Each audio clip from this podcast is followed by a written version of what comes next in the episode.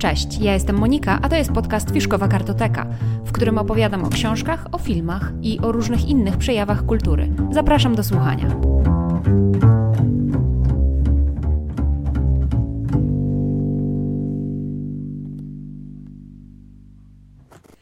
Cześć, zapraszam Was dzisiaj na opowieść o dwóch książkach. O dwóch książkach, które dzieją się na Dzikim Zachodzie, ale są kompletnie innymi książkami. Jedna to debiut polski, a druga to ani debiut, ani polski. Zapraszam. Będę mówiła dzisiaj o książce, którą jedną mam u siebie yy, i zaraz Wam pokażę, a drugą yy, niestety wypożyczyłam z biblioteki i już ją oddałam, więc nie będę jej mogła Wam pokazać yy, tutaj w formie fizycznej. Na pewno wkleję Wam zdjęcie okładki gdzieś w tym filmie, tak czy inaczej. Tę pierwszą książką, której właśnie nie mam i od niej chciałabym zacząć, jest to książka to przez ten wiatr Jakuba Nowaka. I jest to właśnie polski debiut. E, polski debiut wydany w wydawnictwie Powergraph w 2022 roku. E, I jest to książka fenomenalna, wspaniała, fantastyczna. Zresztą obie książki mi się bardzo podobały, ale najpierw mówmy o tej książce To przez ten wiatr Jakuba Nowaka.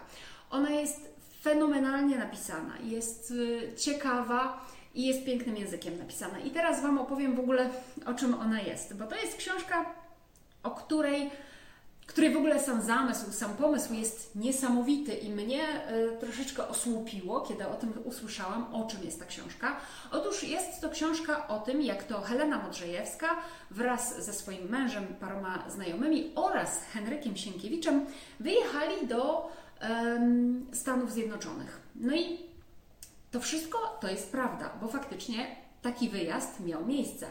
Kim jest e, Henryk Sienkiewicz? No to oczywiście wiecie. Henryk Sienkiewicz, znany polski pisarz, noblista, autor Krzyżaków, autor pana Wołodyjowskiego, Ogniem i Mieczem, autor um, W pustyni i w puszczy i wielu, wielu innych książek.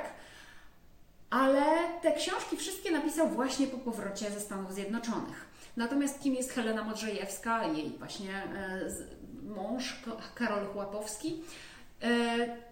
Helena Modrzejewska to jest bardzo, ale to bardzo znana aktorka teatralna i nie wszyscy mogą o tym wiedzieć. Jest to polska aktorka teatralna, która właśnie w 1876 roku e, wyjechała, wyemigrowała z Polski do Stanów Zjednoczonych i tam robiła karierę. Nauczyła się tam języka dopiero i tam zrobiła fenomenalną karierę, również jako aktorka teatralna co jest niezwykłe, bo tak naprawdę to jest jedna z niewielu polskich aktorek, szczególnie też e, polskich aktorek teatralnych, które e, w Ameryce, w Stanach Zjednoczonych zrobiły karierę. E, a mówimy właśnie tutaj o końcu XIX wieku. I od tego czasu właściwie nie było tak wielkiej gwiazdy na scenach teatrów amerykańskich z Polski, pochodzenia polskiego. Także Helena Modrzejewska Wyjechała w 1876 roku wraz z mężem, ze swoim synem z poprzedniego małżeństwa, e, z dwoma przyjaciółmi. E, tam chyba był Henryk Sypniewski i, przepraszam, Julian Sypniewski i, i jeszcze ktoś, Stanisław Paprocki, no i właśnie Henryk Sienkiewicz. I to jest jedyny prawdziwy fakt, taki stuprocentowo prawdziwy fakt, e, że oni to zrobili i faktycznie wyjechali. Reszta, cała tej książki to jest właściwie no, fantazja autora, wyobraźnia autora, ale jak fantastycznie zrealizowana. Otóż właśnie e, o tej książce opowiadał też e, Igor z kanału Jestem, Jesteś tym, czy, tym co czytasz. Przepraszam za moje potknięcia językowe. E, gra w Zero blog, vlog literacki to jest ten kanał na YouTubie, który, pod którym znajdziecie Igora i jego film na pewno. Natomiast na Instagramie jest znany jako jesteś tym, tym, co czytasz. Strasznie trudne to jest do wymówienia. Nieważne. Każdym razie yy, i on tam spoileruje troszeczkę tę książkę. Ja jej nie będę tak bardzo tutaj zdradzać tej fabuły, natomiast Wam opowiem właśnie mm, na czym to mniej więcej polega ten, ta fabuła. Generalnie właśnie Helena Modrzejewska i z całą tą ekipą, paczką wyjechali do Anaheim w Kalifornii i tam sobie mieszkali. No, wynajęli jakąś farmę, e, mieli hodować e, bydło, mieli e, uprawiać winogrona, ale na niczym oczywiście takim się nie znali, bo nic takiego w Polsce nie robili. No więc w, w, w dużej mierze, w sumie, oni głównie wydawali pieniądze w tej, w tej Kalifornii. ta winogrona im tam jakoś specjalnie nie, nie szło im ta uprawa, bydło też tak jakoś się super nie chowało, no mieli tam może wydoić krowę i tyle. No i główna oś tej książki e, opiera się na pewnym napięciu takim erotyczno za takim zafascynowaniu erotycznym pomiędzy Heleną Podrzejewską a Henrykiem Sienkiewiczem. No to jest coś, czego, co nie ma oparcia tak naprawdę w żadnych chyba źródłach, przynajmniej ja o takich źródłach nie wiem. Natomiast jest to tak fantastycznie zrealizowane, że faktycznie jesteśmy pełni e, zaciekawienia jako czytelnicy, co tam się wydarzy czy do czegoś dojdzie, do czego dojdzie, jak to się skończy wszystko, czy Modrzejewska zdradzi swojego męża, czy Henryk Sienkiewicz zdoła uwieść Helenę. No jest to niesamowicie e, zrealizowane, no ale poza tym są tam jakieś różne wątki poboczne, które są również świetnie zrealizowane. No na przykład taki dorastający syn Heleny Modrzejewskiej z poprzedniego małżeństwa w jakiś tam sposób nawiązuje relacje, nawiązuje przyjaźń z, z członkiem pewnego gangu, pewnej grupy przestępczej e, tam w Stanach Zjednoczonych, w Kalifornii, w pobliskim miasteczku. No i też tam się tam różne rzeczy dzieją w związku z tym. E, ta książka jest brawurowo napisana, właśnie jest pełna napięcia, jest pełna napięcia tego erotycznego, ale też tego sensacyjnego, bo ten wątek właśnie Rudolfa daje takiej żyłki awanturniczej tej książce. Tutaj też są postaci bardzo dobrze zbudowane. One są zniuansowane, e, nie mają jakichś jednoznacznych e, charakterów, nie jest jasno powiedziane, że ten jest dobry, ten jest zły, ten jest taki, a ten jest siaki. Oni są właśnie bardzo zniuansowani. To jest niesamowicie fajnie zrobione. E, poza tym mają te charaktery zbudowane na zachowaniach, a nie na opisach, co też poznajemy po prostu, jacy są ci bohaterowie, na podstawie tego, jak się zachowują, a nie na podstawie tego, co nam narrator na ich temat powie. Są to też mm, bardzo ciekawe, mm, właśnie ten język też jest bardzo interesujący, bo tutaj świetnie autor potrafi zbudować po pierwsze to erotyczne napięcie, po drugie świetnie i dynamicznie potrafi oddać dynamiczną akcję, taką sensacyjną, ale też umie wpleść w tą książkę takie niemalże napisane lirycznie fragmenty. Był tutaj tak jeden piękny e, fragment, jego sobie nie, niestety nie zostawiłam, nie przepisałam, nie zrobiłam zdjęcia temu, temu rozdziałowi, ale jest tam taki e, rozdział, który jest napisany dla mnie według, według mnie taką prozą liryczną wręcz, gdzie Helena Modrzejewska próbuje sobie porównać swojego męża do Henryka Sienkiewicza i robi to w tak, tak piękny, poetycki sposób, że po prostu byłam pełna zachwytów, kiedy czytałam ten, ten fragment. E, no i właśnie tutaj wszystkie wątki, wszystkie sceny są według mnie po coś. Igor e, z tego kanału właśnie Gra w Zero Vlog Literacki miał pewne zastrzeżenia co do zakończenia. Mnie się to zakończenie szalenie podobało. Uważam, że było e, niesamowite nie wiem, czy byłabym zadowolona z innego e, zakończenia, z jakiegoś otwartego zakończenia bardziej. No nie wiem, dla mnie to zakończenie było fantastyczne, chociaż faktycznie tak szybko się zakończyło to wszystko i w taki nieoczekiwany dla mnie sposób, że byłam e, aż taka oszołomiona, ale bardzo mi się podobało.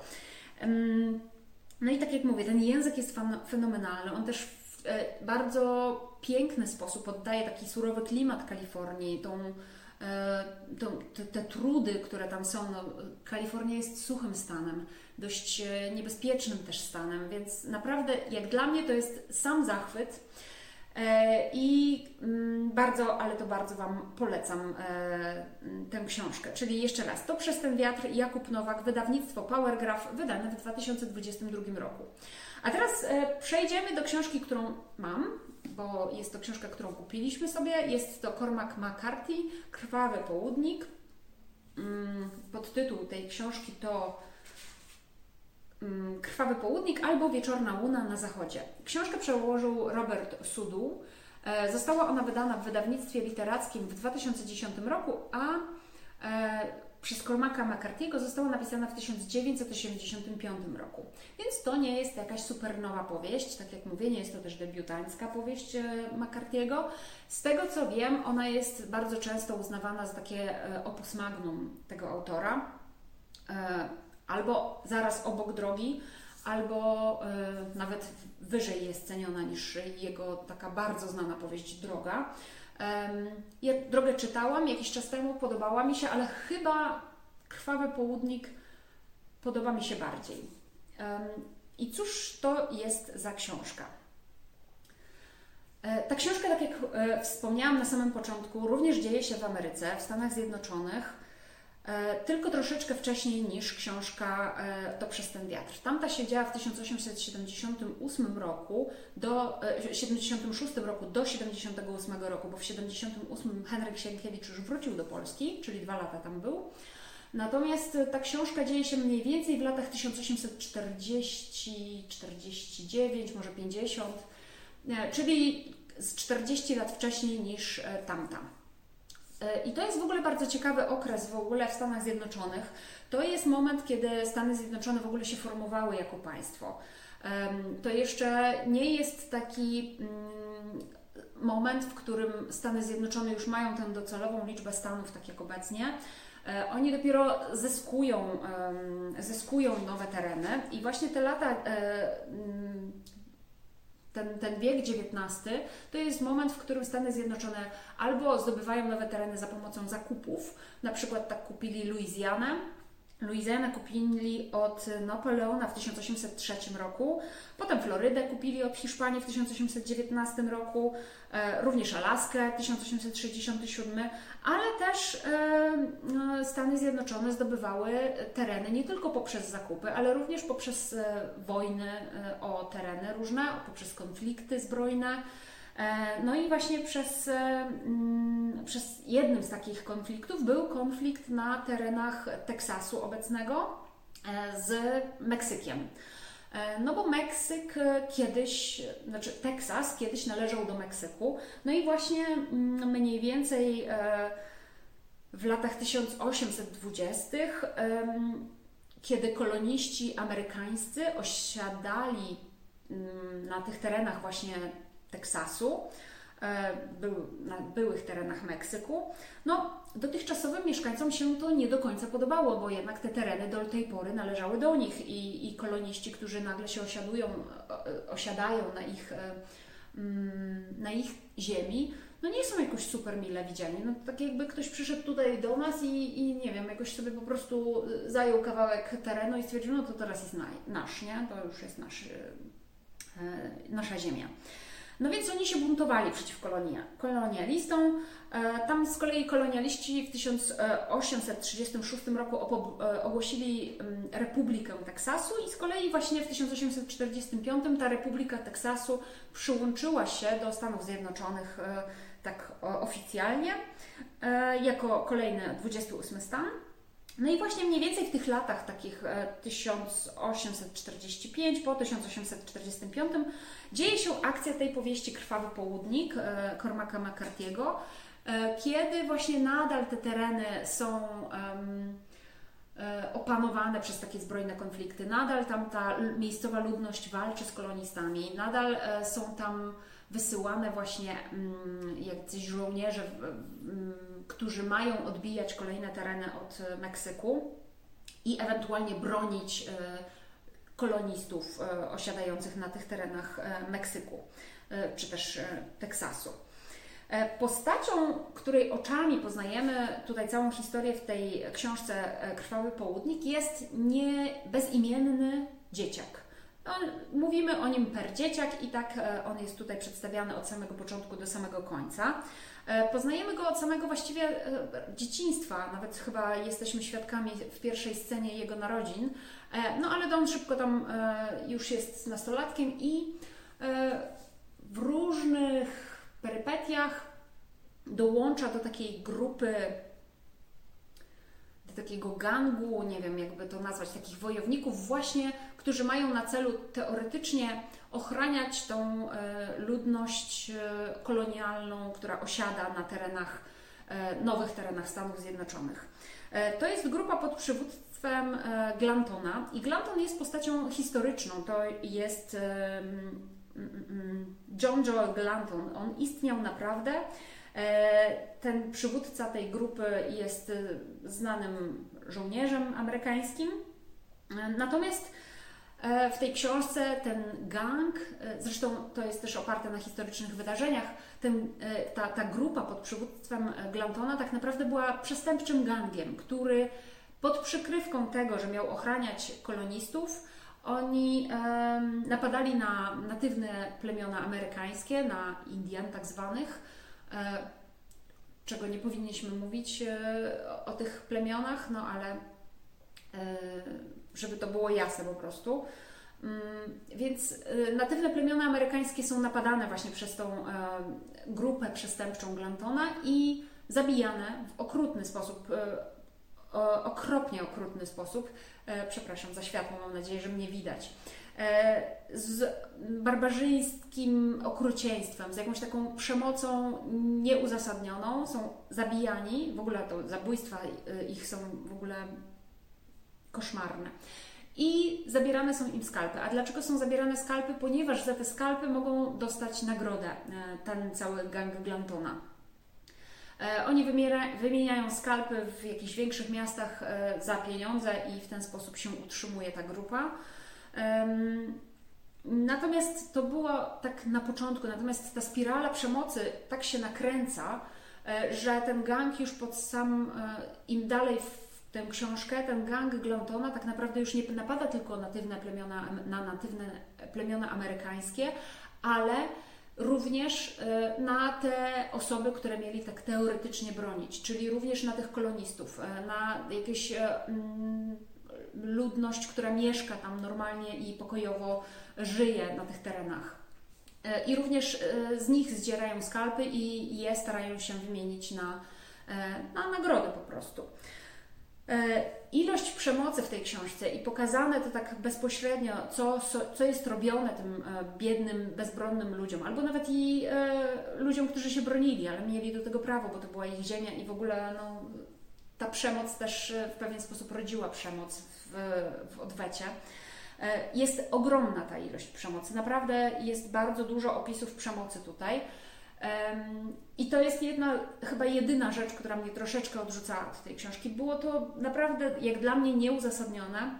Z drugiej strony, no, pokazywało według mnie też w jakiś sposób taką rzeczywistość, która no, miała miejsce, naprawdę miała miejsce. Więc, e, więc od razu też uprzedzam, że ilość przemocy jest tutaj naprawdę duża. E, I jednocześnie e, razem z tą grupą Glantona jesteśmy, mm, jesteśmy wraz z nimi w ciągłej podróży, bo oni ciągle podróżują za tymi ludami właśnie koczowniczymi, za tymi y, plemionami, które tam mieszkały na tamtych terenach Teksasu, Meksyku. E, wędrują od miasta do miasta poprzez pustynię, poprzez prerię. My czujemy tą suchość pustyń, e, te trudy podróży widzimy te surowe krajobrazy, te góry, e, gorąc e, słońca na nas spada. Po prostu jest to tak sugestywnie opisane, że naprawdę jesteśmy w stanie poczuć to wszystko. Jesteśmy tacy zagłębieni w tym krajobrazie. Jest to niesamowity język, piękny język, cudowny. E, ale i właśnie te trudy, wędrówka, te trudy podróży, ta walka z, z nieprzyjaznym krajobrazem jest tutaj bardzo dużą częścią tej książki e, i jest pięknie opisana. Mm, to też trochę łączy te dwie książki, czyli Cormaca McCarthy'ego i Jakuba Nowaka. Pięknie opisywali oboje, e, obaj, przepraszam, e, obaj pięknie opisywali tutaj przyrodę. Ważną powieścią, ważną postacią w tej powieści Krwawy Południk jest też postać sędziego Holdena. Sędzia Holden jest to taka postać, która właściwie od samego początku jest w tej grupie gangu Glantona, e, natomiast ona jakby im dalej w książkę, tym bardziej nabiera takich cech, cech trochę nadprzyrodzonych. Jest to postać, która jest niezwykle, człowiek, który jest niezwykle e, potężny, tak fizycznie potężny, duży, bardzo charakterystyczną cechą dla niego jest to, że nie ma żadnego owłosienia na całym ciele. Jest łysy i w ogóle nie ma żadnych włosów nigdzie. Jest też przeraźliwie blady, co w, tej, e, w tych krajobrazach, gdzie ciągle świeci słońce, jest też dość nietypowe dla niego. Więc jest mm, blady, e, łysy i bardzo duży. I jest on też bardzo silny, wręcz nie, wydaje się też niezwykle sprawny. Wydaje się, że jego się nie imają żadne kule, żadna broń. Wydaje się być też super wyjątkowo celny w swoich strzałach. Jest też bardzo inteligentny, włada wieloma językami, a ponadto bardzo interesuje go cała przyroda naokoło. On się wydaje być jakimś wręcz przyrodnikiem, jakby ma swój własny notes, w którym notuje różne rzeczy, które mijają, e, rysuje, odrysowuje jakieś e, mm, rośliny, jakieś e, zwierzęta, czy też e, kamienie, kości. E, to wszystko go interesuje. Jest to niezwykle ciekawa postać, natomiast też dodatkowo on jest taką osobą, która dużo wygłasza przemów do, do tych e, członków gangu Glantona. Niemalże mam takie wrażenie, że to on przemawia za tym, żeby i namawia ich na tę przemoc. On bardzo dużo mówi o wojnie, o tym, jak bardzo wojna jest potrzebna, jak bardzo wojna spaja ludzi i jak jest nieodłączną częścią człowieczeństwa. On też dużo mówi o moralności, E, także mam wrażenie, że właśnie ta postać jakoś napędza tę całą grupę do kolejnych aktów przemocy. Niesamowita postać i nie, niesamowicie też się kończy ta książka e, z właśnie z tym sędzią Holdenem w roli głównej. Wraz e, jest tam taka scena, właśnie ten sędzia Holden i ten główny, ta główna powiedzmy postać dzieciaka, którego życie poznajemy E, od samego początku. Oni w takiej pewnej finałowej scenie, e, bardzo otwartej scenie, musimy sobie sami dopowiedzieć, co tam się tak naprawdę wydarzyło, bo to nie jest napisane tak e, explicite, nie jest tak dokładnie i bezpośrednio napisane, co się wydarzyło, więc każdy sobie to może zinterpretować na swój własny sposób. To też jest niesamowite. Ta książka ma otwarte zakończenie, tam ta książka miała dosyć zamknięte zakończenie. E, różne typy zakończeń, ale każde mi się bardzo podobało. Mm, co bym chciała Wam jeszcze na ten temat powiedzieć?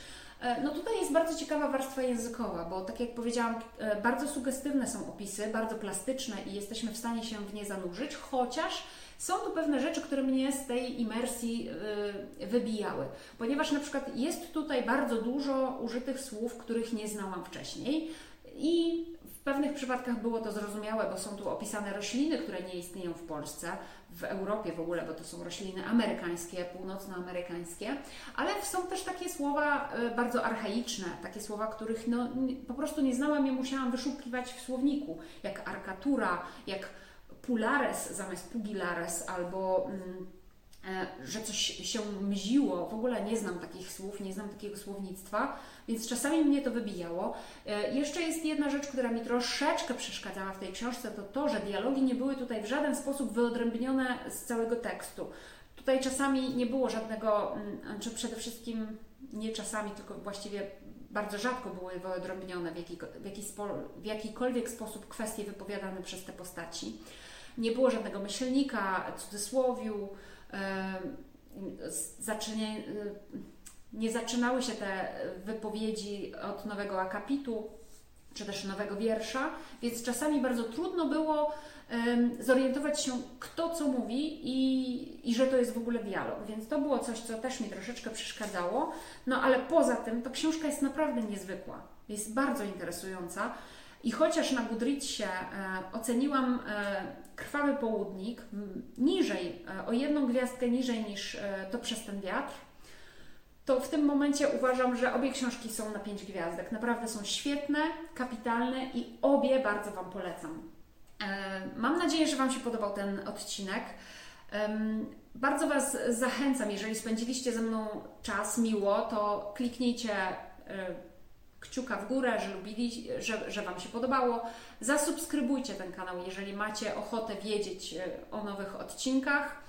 E, skomentujcie, bo to też jest dla mnie ważne, co myślicie o tych książkach, czy czytaliście, czy czytałyście. Dajcie znać, czy Wam się te książki podobały.